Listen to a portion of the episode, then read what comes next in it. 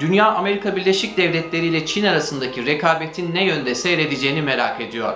Zira taraflar arasındaki olası bir yeni soğuk savaş tüm dünyayı ve uluslararası kurumları etkileyebilecek cinsten.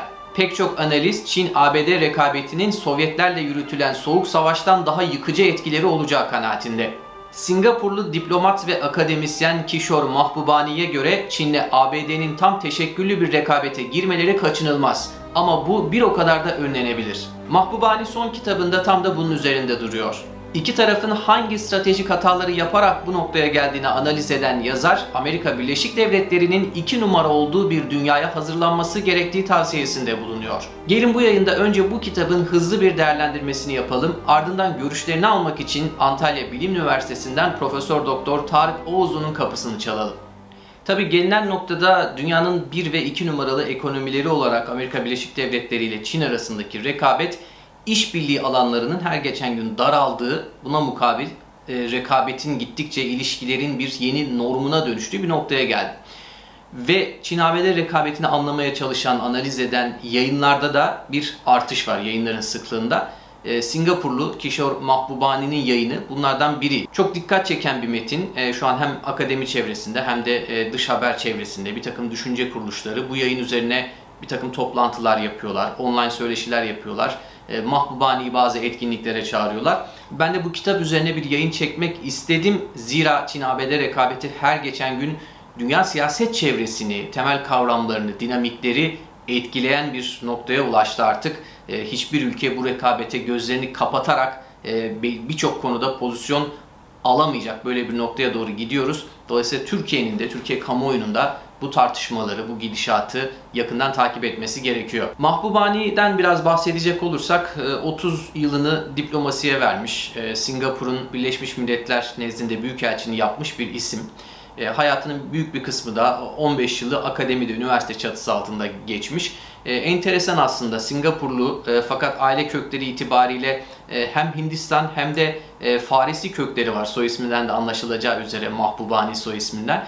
E, ve kariyerinin büyük bir kısmını da batıda geçirmiş. Yani aslında e, doğulu bir e, aydın, diplomat, akademisyen olarak e, batıda bulunmuş iki tarafı da çok iyi analiz etmiş ve çok kişisel e, kontaklar geliştirmiş. Bunu da zaten metnini okurken, daha önceki çalışmalarında okurken görüyorsunuz. E, herkese ulaşmış açıkçası. Yani şu an hayatta olan veya kendi döneminde e, bir takım kritik isimlere Henry Kissinger'dan tutun da işte burada e, Çin liderliğinin yüksek isimlerine kadar hepsiyle kişisel dostluklar geliştirmiş, sohbet etmiş bir isim. Kendisi bu kitabın amaçlarını anlatırken temel amaçlarından biri olarak diyor e, Çin-Amerikan ilişkisini kuşatan kalın yanlış anlama sisini kaldırmak istedim ve her iki tarafında birbirlerinin temel çıkarlarını onaylamasalar bile daha iyi anlamalarını sağlamak istedim diyor. Umudum diyor yazar tamamlandığında bu kitabın e, bir okuyucusunun her iki tarafı yönlendiren daha derin dinamikler hakkında bir anlayış geliştirmesi olduğunu belirtmiş.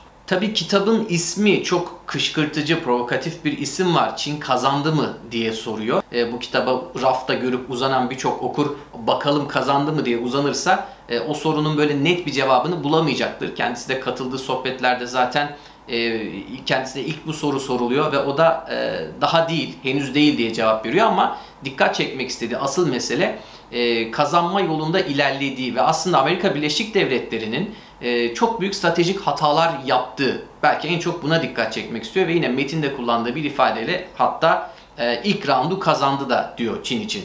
Ve Amerika Birleşik Devletleri'nin iki numara olacağı bir dünyaya hazırlanması gerektiğinin altını çiziyor.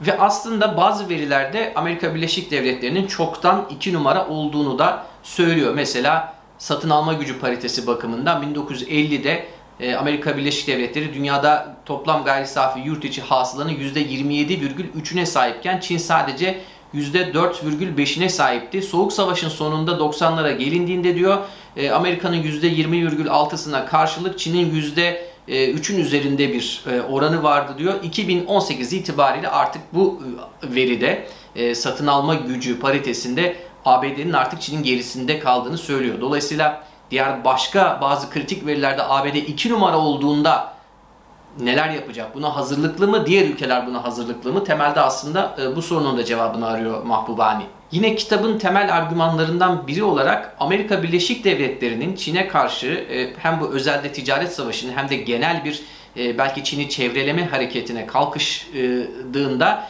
genel bir stratejiden yoksun olduğunu söylüyor. Burada da daha önce Sovyetlerle yürütülen Soğuk Savaşı örnek veriyor. Soğuk Savaş'ın o başarılı genel stratejisinin şu an eksik olduğunu söylüyor ve Soğuk Savaş bahsinde de e, bir isme dikkat çekiyor aslında. E, Amerika'nın Sovyetleri çevreleme siyasetinin mimarlarından, e, fikir babalarından biri olarak görülen George Kennan ismine sıklıkla referans yapıyor kitap boyunca ve diyor ki bu sefer ABD'nin bir George Kennan'ı yok. Ee, onun yerine Mike Pence var, Pompeo var. Ee, daha şahin, daha fevri belki hareket eden, daha anlık bir takım tepkilerle hareket eden isimlerin şu an Amerikan siyasetinde e, önde olduklarını söylüyor. Ve şu an aslında Amerika Birleşik Devletleri'nde bir Çin siyasetinden ziyade bir Çin tutumundan bahsedilebileceğini söylüyor ki bu e, son derece altı çizilesi bir ifade aslında. Çin siyasetleri yok ama bir tutumları var diyor ve bu tutumlarla hareket ettikleri zaman rasyoneliteden, rasyonel düşünceden de e, uzaklaşabilecekleri riskine dikkat çekiyor. Tabii kitabın e, ilk bölümlerinde e, Çin'in yaptığı stratejik hatalar ve Amerika Birleşik Devletleri'nin yaptığı stratejik hatalar e, diye iki ayrı bölüm yapmış. Fakat burada bu iki ayrı bölümü böyle bir e, terazide tarttığımız zaman aslında e, Çin'in yaptığı hatalardan Çin'in yaptığı hatalara kıyasla ABD'nin yaptığı hataların çok çok daha ağır bir yekün tuttuğunu görüyoruz kitabın içerisinde. Çin'in yaptığı hatalar bahsinde e, özellikle 90'larda ve 2000'lerde de devam eden bir şekilde Çin'de faaliyet gösteren Amerikan şirketlerinin ve genel olarak yabancı şirketlerin küstürüldüğü, yabancılaştırıldığı eleştirisini getiriyor. Bunun belli argümanlarını tabii ki sıralamış ve e, Çinli yetkililer Amerikan şirketlerinin bu eleştirilerini, bu şikayetlerini dikkate almadılar, ciddiye almadılar diyor. Dolayısıyla Trump yönetimi geldi, bir ticaret savaşı başlattı ki ticaret savaşının temel e, argümanları neydi? Zorla teknoloji transferi, e, işte devlet desteklerinin aşırı de, e, devlet şirketlerinin aşırı desteklenmesi. E, diyor ki zaten Amerikan şirketleri e, son 20 yıldır bundan şikayetçiydi. Çin başında dinlemiş olsaydı e, bu kadar kapsamlı bir ticaret savaşına gerek olmayabilirdi diyor. E, aslında bu noktada bazı çelişkiler de var. Yani e, Çin'in yaptığı hatalar ticaret savaşına yol açtıysa e, bu bir bakıma e, Mahbubani'nin argümanından yola çıkarsak ticaret savaşı başlatmanın da e, bir şekilde meşru bir zeminini de oluşturuyor aslında. Fakat e, şurada kritik bir e, konuya dikkat çekiyor. Uzun yıllardır Çin pazarından çok büyük kazançlar elde eden mesela Boeing gibi şirketlerin, mesela Ford gibi şirketlerin e, ticaret savaşı başladığında Çin'i savunmadıklarına dikkat çekiyor. Trump yönetimine kimse dur demedi diyor. Bu da gerçekten dikkate e, değer bir konu ki o şirketlerin de e, son e, yıllarda belki 30-40 yılda Çin'den neler kazandıklarını gerçekten detaylarıyla anlatıyor çarpıcı verilerle. Yine çok sıklıkla vurguladığı noktalardan biri Amerika Birleşik Devletleri'nin rakibini iyi tanımadığı, iyi analiz edemediği. Burada mesela çarpıcı bir örnek veriyor. Ee, tabii ki e, CCP İngilizce kısaltma üzerinden, CCP üzerinden örnek veriyor ama biz hani partinin Türkçe kısaltmasından e, yola çıkarsak ÇKP e, bahsinde, Çin Komünist Partisi bahsinde Amerikan yönetiminin e, komünizme, e, K harfine takıldığını ama aslında odak noktasının Ç harfi olması gerektiğini yani Çin olması gerektiğini söylüyor. Hatta mesela e, Chinese Civilization Party diye bir kavram da geliştirmiş ki bu aslında Martin Jacobs'in de sanırım When China Rules the World kitabında da sıklıkla kullandığı nation state yerine bir e, civilization state konsepti geliştiriyordu. Ona da yakın bir argüman buldum e, tartışmalı olabilir ama e, Amerikan siyasetinin buraya dikkat çekmesi gerektiğini söylüyor. Çünkü artık karşınızda Sovyetlerle e, yaptığınız soğuk savaşta olduğu gibi dünyaya komünizm ihraç eden bir ülke, bir rejim yok diyor. E, dolayısıyla bu e, ÇKP'de K harfine dikkat etmenin Amerikan siyaseti için yanıltıcı olabileceğine dikkat çekiyor. Ve aslında meseleye liberal demokrasi ve otokrasi arasındaki bir mücadele, siyah ve beyaz arasındaki bir mücadele olarak bakmanın da Amerika'yı yanlış yollara sevk ettiğini belirtiyor. Ve hatta kendisi e, bu zıtlığı e, her ne kadar siyah ve beyaz yok dese de başka bir zıtlık ortaya koyuyor. Belki de ABD ile Çin arasındaki rekabetin bir plutokrasi ile bir meritokrasi arasındaki e, gerginlik olarak okunabileceğine de dikkat çekiyor ki e, Amerika'yı neden bir plutokrasi olarak gördüğünün detaylarını da açıklıyor. Her ne kadar e, Amerika'da seçmenler belirli aralıklarda sandık başına gitseler, eyalet valilerini, başkanı seçseler de aslında şu an Amerikan siyasetinin e, sadece yönetim anlamında, administration anlamında değil hatta daha kapsamlı e, establishment anlamında da bütün kurumlarının belli bir zengin zümresi tarafından ele geçirildiğini, onlar tarafından yönlendirildiğini, dolayısıyla aslında Amerika'nın bir plutokrasiye dönüştüğünü söylüyor.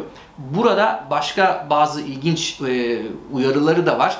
E, Amerika'da mesela düşünce kuruluşlarının, bir zamanlar o özgür düşünceyi üreten düşünce kuruluşlarının şu an aslında bir takım silah lobileriyle nasıl iç içe geçtiklerini, dolayısıyla onları memnun etmek için aslında e, belli konularda sadece Çin'le ilişkilerde değil birçok konuda Amerika'yı hep silahlı çözümler üretme yoluna sevk edecek bir düşünce iklimi geliştiğine de dikkat çekiyor. Ama bu noktada şöyle de bir e, öngörüsü var. Çin ile Amerika Birleşik Devletleri arasında diyor askeri bir çatışma olmayacak. Kısa vadede böyle bir ihtimal görmüyor ve dolayısıyla Amerika'nın Çin'i çevrelemek, kuşatmak, engellemek ne derseniz deyin adına bu amaçla askeri harcamaları artırmasının da israf olduğunu söylüyor. Çünkü e, sizin çok fazla uçak geminizin olması Çin'i durdurmak anlamında bir işinize yaramayacak diyor. E, siz milyarlarca dolar harcayıp bir uçak gemisi yapıyorsunuz. Çin yüz binlerce dolar harcadı. Daha az para harcayarak yaptığı bir e, füze sistemiyle aslında sizin uçak geminizi etkisiz hale getirebiliyor. Diyor ki zaten Çin'in de savaşmaya niyeti olmadığını, ABD'yi alt etme gibi bir derdi varsa da bunu askeri yollarla yapmayacağını, buna kalkışmayacağını söylüyor. Amerika'nın e, kendi orta sınıfını güçlendirmek, e, bazı dar gelirli grupların yaşam seviyesini artırmaya odaklanması gerektiğini belirtiyor ki bunlar aslında e, Trump'ın seçilmesinin de nedenleri olarak Amerika'daki bir takım yapısal sorunlara işaret ediyor. Bu kitapta benim özellikle dikkat ettiğim noktalardan biri bir iletişimci, haberci gözüyle bu işe baktığım zaman bir ekosistemden bahsediyor.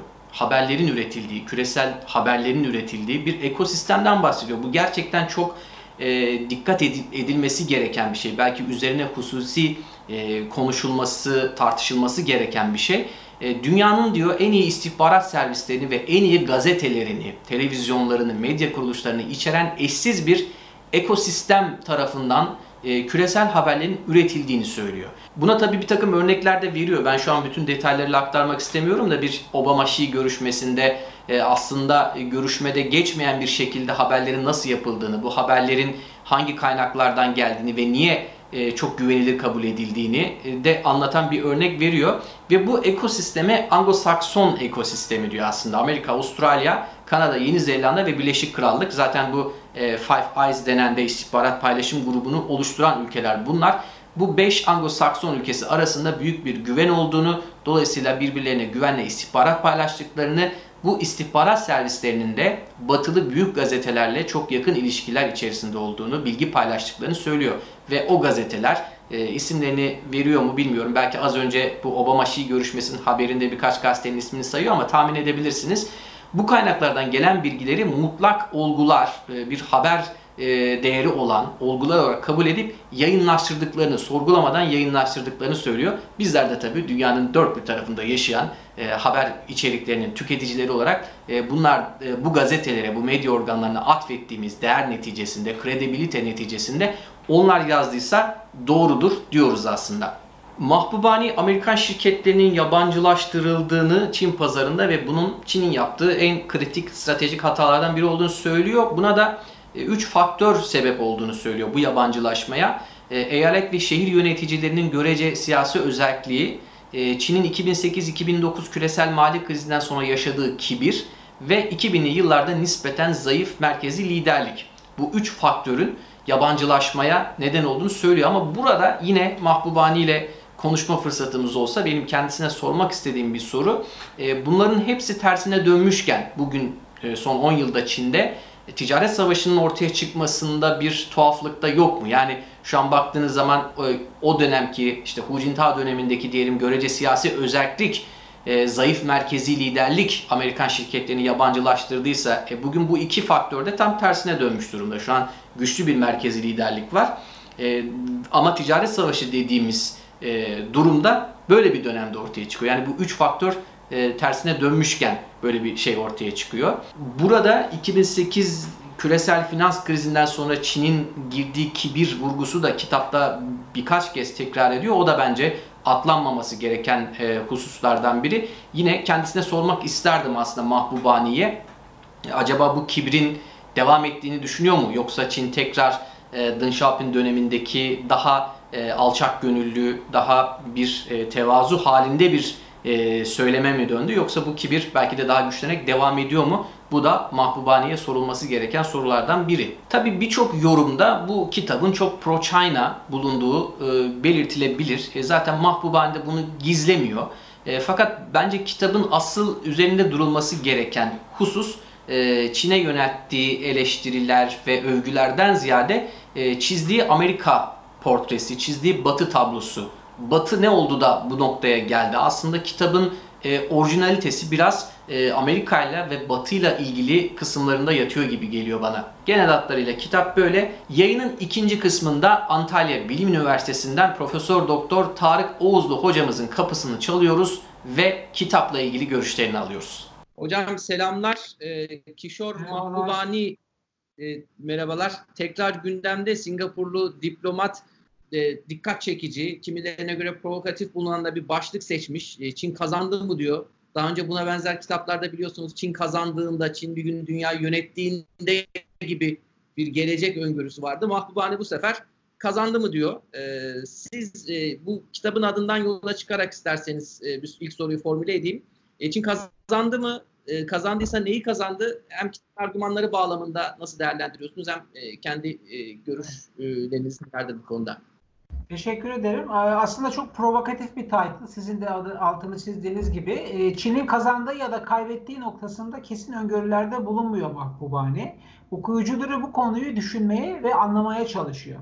Bir kere Mahbubani'den kısaca bahsetmek lazım. Siz de söylediğiniz çok önemli bir entelektüel.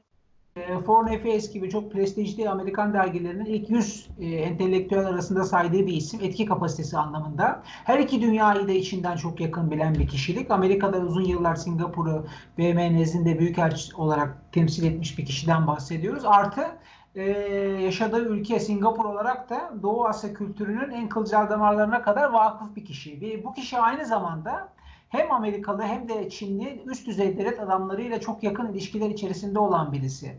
Onlarla sık sık sosyalleşen bir kişi. Verdiği bilgiler insider information niteliğinde değerli ve anlamlı.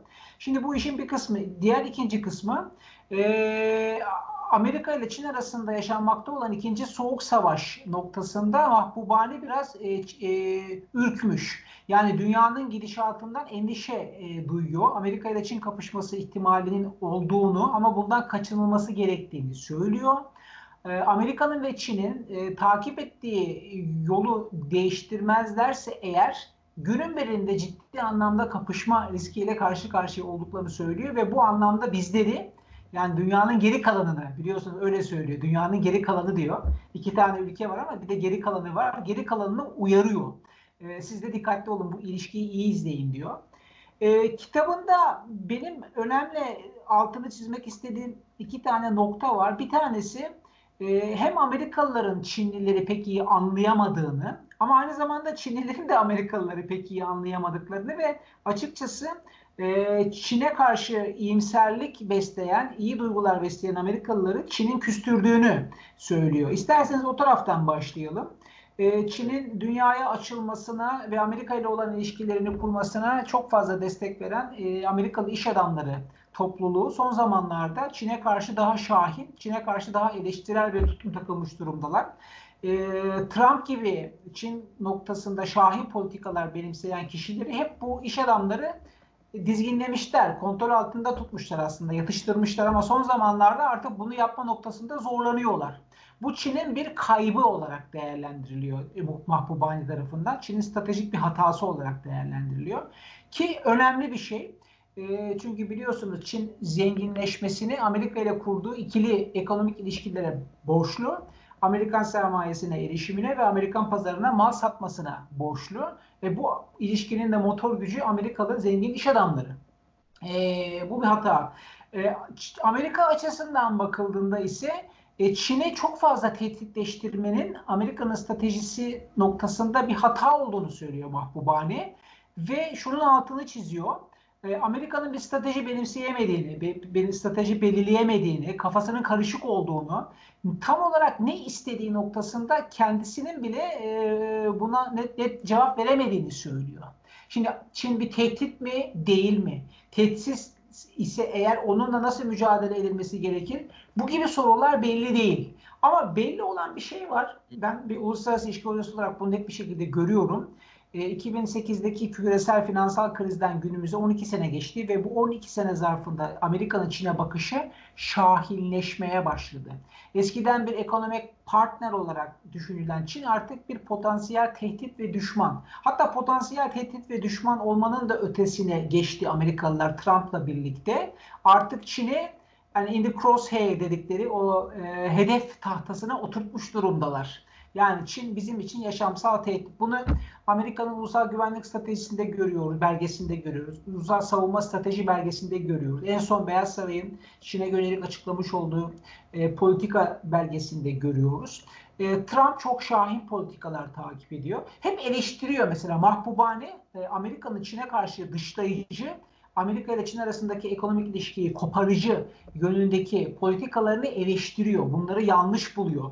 Ee, çünkü şuna inanıyor Mahbubani. Çok uzun yıllardır oluşturduğu bir külliyat var. Bu külliyatın önemli bir unsuru da The Great Convergence adlı kitap. O kitapta da hep söylemiştir. Şunu diyor Mahbubani. Amerika aslında Çin'in yükselmesinden mutlu olmalı. Bu onun başarısı diyor. Yani Amerika'nın başarısı, Batı'nın başarısı. Bu Çin'in başarısından ziyade onların başarısı. Bundan mutlu olsunlar. Çünkü çünkü Çin kapitalistleşti, evrenselleşti, neoliberal ekonomi politikaları uyguluyor ve zenginleşiyor. O reçeteyi uyguluyor o reçeteyi uygulayıp zenginleştiği diye de e, suçlanamaz diyor. Yani Amerikalıların artık biraz yoğurdu üfleyerek yemeleri gerektiğini söylüyor. Bir ikinci uyarısı var. E, Mahbubani'nin Amerikalılar yaptığı bir uyarı. E, o da şu.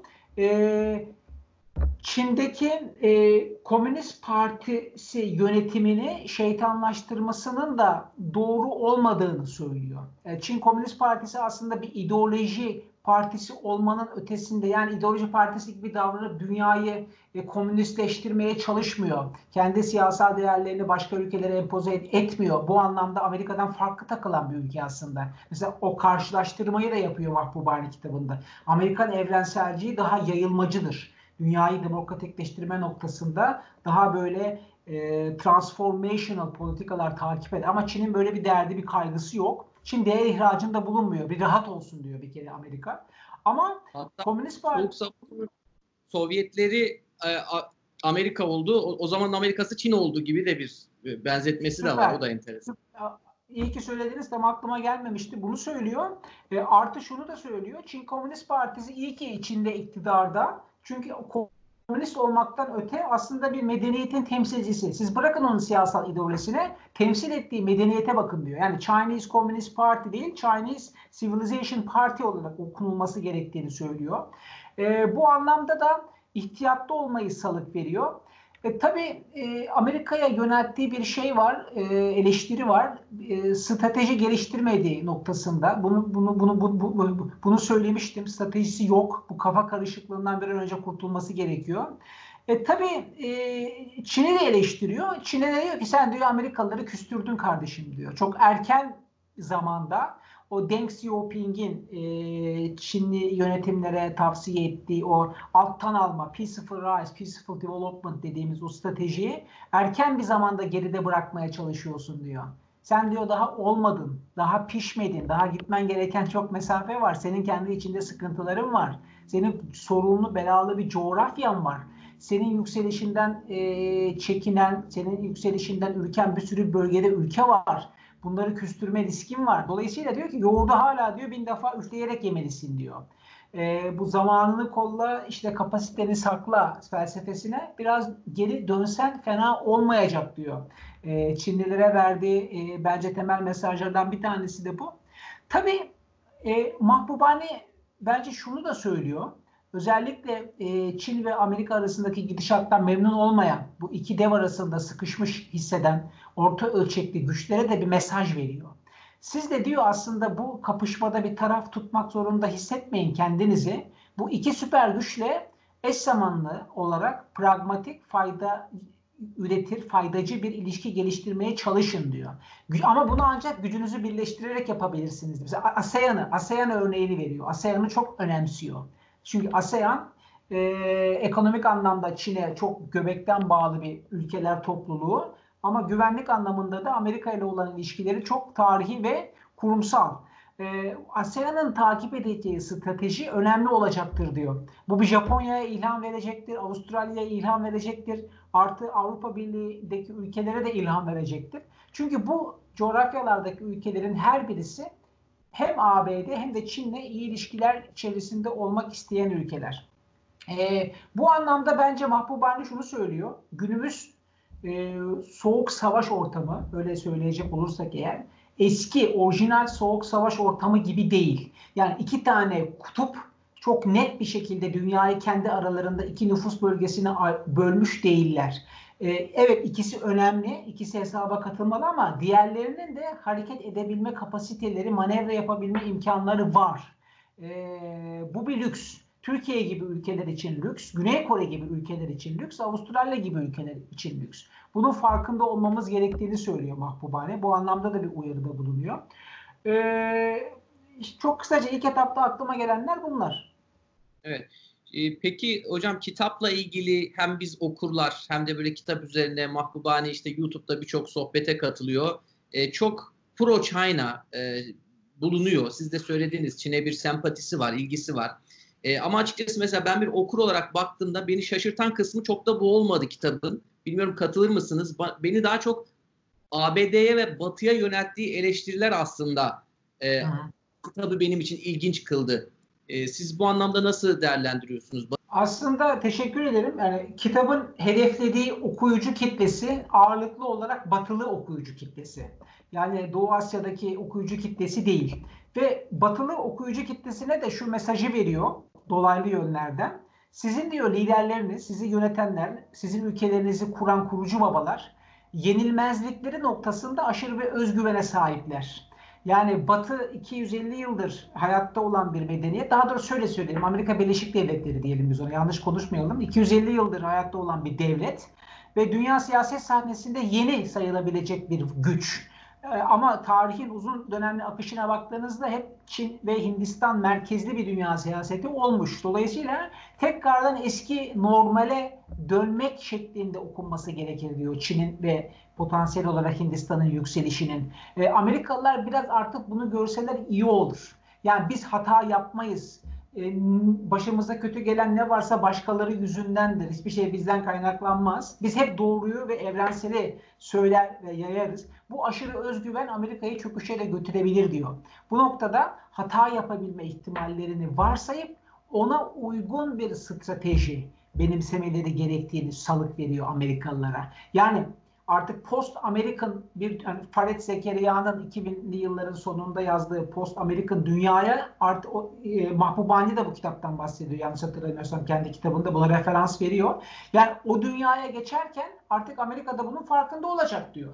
Yani eski babanızın eski güzel günlerin Amerikası ya. Buna uygun bir strateji benimseyin ve açıkçası kardeş kardeş yaşayıp gidin diyor. Yani sizin bak, rasyonel anlamda iki süper gücün işbirliği yapması her ikisinin menfaatine. Her ikisi de bundan kazançlı çıkacak. Savaş ikisinin de aleyhine olacak bir şey. Ama şu anda onu oldurmaya sanki dört nala o, o hedefe doğru koşuyorlarmış gibi bir durum var. Ee, bundan Mahbubani rahatsız ve bu noktada bizi dünya kamuoyunu uyarıyor daha çok geçmeden, daha yolun başındayken e, rasyoneliteyi odak noktasına koyup davranalım. Aksi takdirde yine çok ünlü bir Amerikalı sosyal bilimcinin yazdığı gibi Graham Allison Harvard Üniversitesi'nden yani e, Thukydides trap dediği yani Amerika ile Çin kapışabilir. Bu ihtimal var. Çünkü tarihte 16 tane olaya bakmış e, e, Graham Allison. Yani bir yükselen güç, bir established power. Bunların 12 tanesi savaşla neticelenmiş. Böyle bir ihtimal var. Bu risktir diyor. Bunu dikkate alalım diyor. E, ama bundan kaçınmak için de rasyonelite önemli diyor. Yani Sparta ile Atina niye kapıştı diyor. Çünkü Atina'nın normal spectacular yükselişi e, Spartalıları korkuttu ve bu korku onlarda öyle bir e, ruh haliyeti yarattı ki Atina'yı dengelemek ve baskılamak adına her şeyi yaptılar ve savaşa gidildi. Böyle bir psikoloji de olabilir şu anda Çin'le Amerika arasındaki ilişkide. Yani Amerika o kadar rahatsız ki Çin'in yükselişinden bunu bir tehdit olarak görüp bunu oldurmamak adına bütün irrasyoneliteyi de işin içine katıyor. Her şeyi yapıyor diyor. Evet şu anda olan bu. Her şeyi yapıyor Amerika. Yani e, Çin'i çevrelemek adına e, az işte Hindistan'la, Japonya ile, Avustralya ile Kuat dediğimiz işbirliğini oluşturmuş. E, biliyorsunuz yani Indo-Pasifik komutanlığı olarak yeniden tanımlamış Pasifik komutanlığını.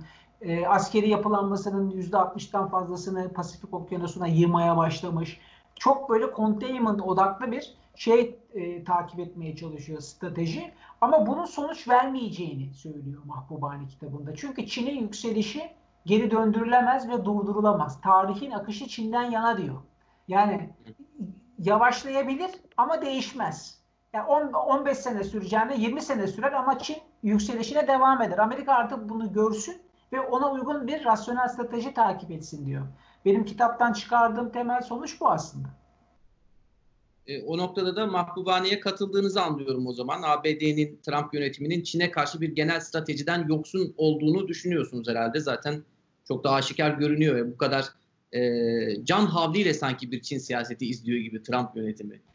Yani tabii e, Trump yönetimi biraz değişik bir yönetim. Yani o da okuma noktasında herkesin kafası karışık. E, çok net konuşmuyor. Ama şu var yani Çin tehdit. Yani Trump bu noktada e, bu, bu konuda noktayı koymuş durumda ve Biden gibi liberal uluslararası dünya düzenine inanan demokrat liderler dahi Trump'ın çizgisine gelmiş durumdalar son zamanlarda. Amerika'daki seçim kampanyasına bakarsanız bunu net bir şekilde görürsünüz. Ee, her ne kadar tabii Biden çizgisiyle Trump çizgisi arasında devasa farklar olsa da Çin'e bakış noktasında demokratlar da en az cumhuriyetçiler kadar şahinleşmiş durumdalar. Yani onlar da şu anda diyorlar ki korkmayın. Biz gelsek de iktidara Çin'in yükselişini baskılamak adına her şeyi yapmaya devam edeceğiz. Bir de Emre Bey vaktimiz varsa şunu da söylemek isterim. Ya bu ikisi arasındaki savaş sadece bir sert güç savaşı da değil. Aynı zamanda yumuşak güç savaşları da var bu işin içinde. Çünkü iki ülkenin de dünyaya empoze ettiği veya yaymaya çalıştığı aykırı, birbiriyle bağdaşmayan siyasal ekonomik değerler var. Bu değerler savaşına dönüşmeye başladı. Yani Çin modeli, Amerika modeli ister buna kalkınma anlamında yaklaşın, ister insan haklarına bakış, ister siyasal değerler olarak bakışın. iki farklı dünya düzeninden bahsediliyor. Yani bir tarafta demokrasiler, bir tarafta otokrasiler tarzında. Bu gidişat da iyi değil. Özellikle Türkiye gibi orta ölçekli güçler bağlamında bu aşırı e, keskinleşme, aşırı kutuplaşma bizim gibi ülkelerin manevra alanını kısıtlayabilir. Çünkü biz neyi istemeyiz? Taraf tutmak, tarafımızı seçmek. Bu bir bu bir bu bir risktir bizim için. Bunu aslında ben ayrı bir sorun olarak formüle etmiştim zaten siz yanıtlamış oldunuz. Mahbubani de çünkü e, kitabının hususi bir bölümü bununla ilgili. Yani diğer ülkeler ne yapmalı gibi. E, tabii e, Türkiye'yi almamış o bölümü ama daha çok e, Çin'in çevresinde Japonya, Hindistan, Avustralya üzerinden bakıyor. E, burada belki hani Türkiye özelinde biraz e, açabilir miyiz bilmiyorum. E, çünkü çok bir yüksek gerilim hattı oluştu şu an e, Washington'da Pekin arasında. Ankara burada bu yüksek gerilim hattından nasıl kaçınabilir? Taraf çünkü taraf tutmak e, siz istemesiniz bile iki taraf zorluyor bazen. Amerika kendi güç merkezini Çin burada daha çok Doğu Asya'da belki zorluyor. E, biz burada nasıl bir e, duruş benimsememiz gerekiyor Ankara olarak sizce? Şimdi aslında şöyle bakmak lazım. Yani bizim Batılılarla olan ilişkilerimiz daha köklü bir geçmişe sahip, daha kurumsal bir ilişki, ekonomik anlamda da daha derin bir ilişki ve aynı zamanda da daha dengeli bir ilişki.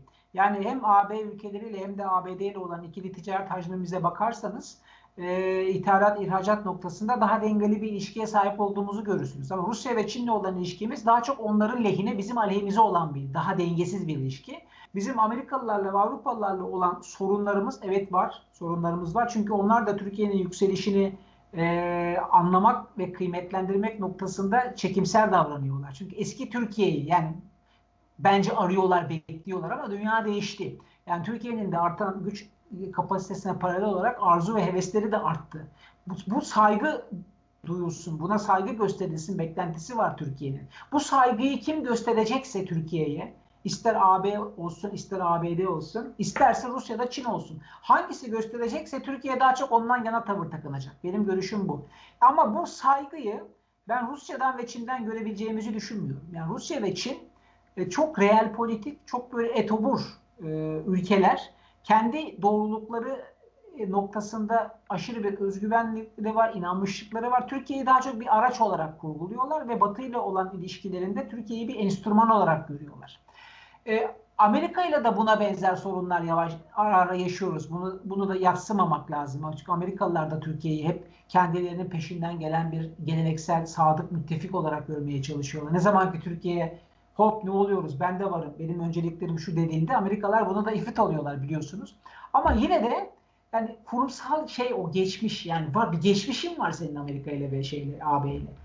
Çünkü biz şeyden de rahatsızız. Yani e, mesela Rusya'nın ve Çin'in şahinleşmesi ve zor kullanarak uluslararası siyasette sonuç devşirmeye çalışmaları e, bizim gibi orta seviyedeki ülkelere, orta düzeydeki güç kapasitesi sahip ülkelere yönelmiş bir tehdit, bir zorlama da aynı zamanda. Çünkü bizim için önemli olan nedir? Uluslararası sistem istikrar üretsin.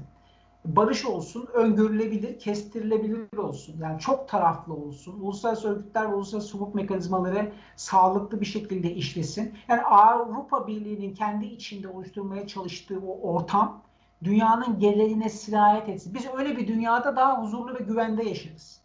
Ama yani fillerin tepiştiği bir dünyada ezilen çim olma ihtimali vardır. Biz, biz öyle bir dünya istememeliyiz.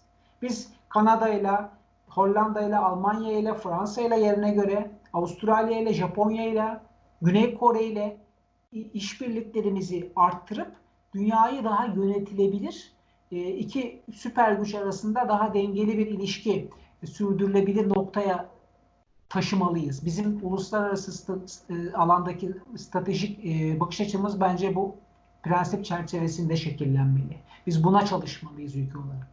Hocam çok teşekkür ediyorum e, değerli yanıtlarınız için. Başka Rica kitapla ederim. ilgili eksik cümleler varsa onları da alabilirim son olarak.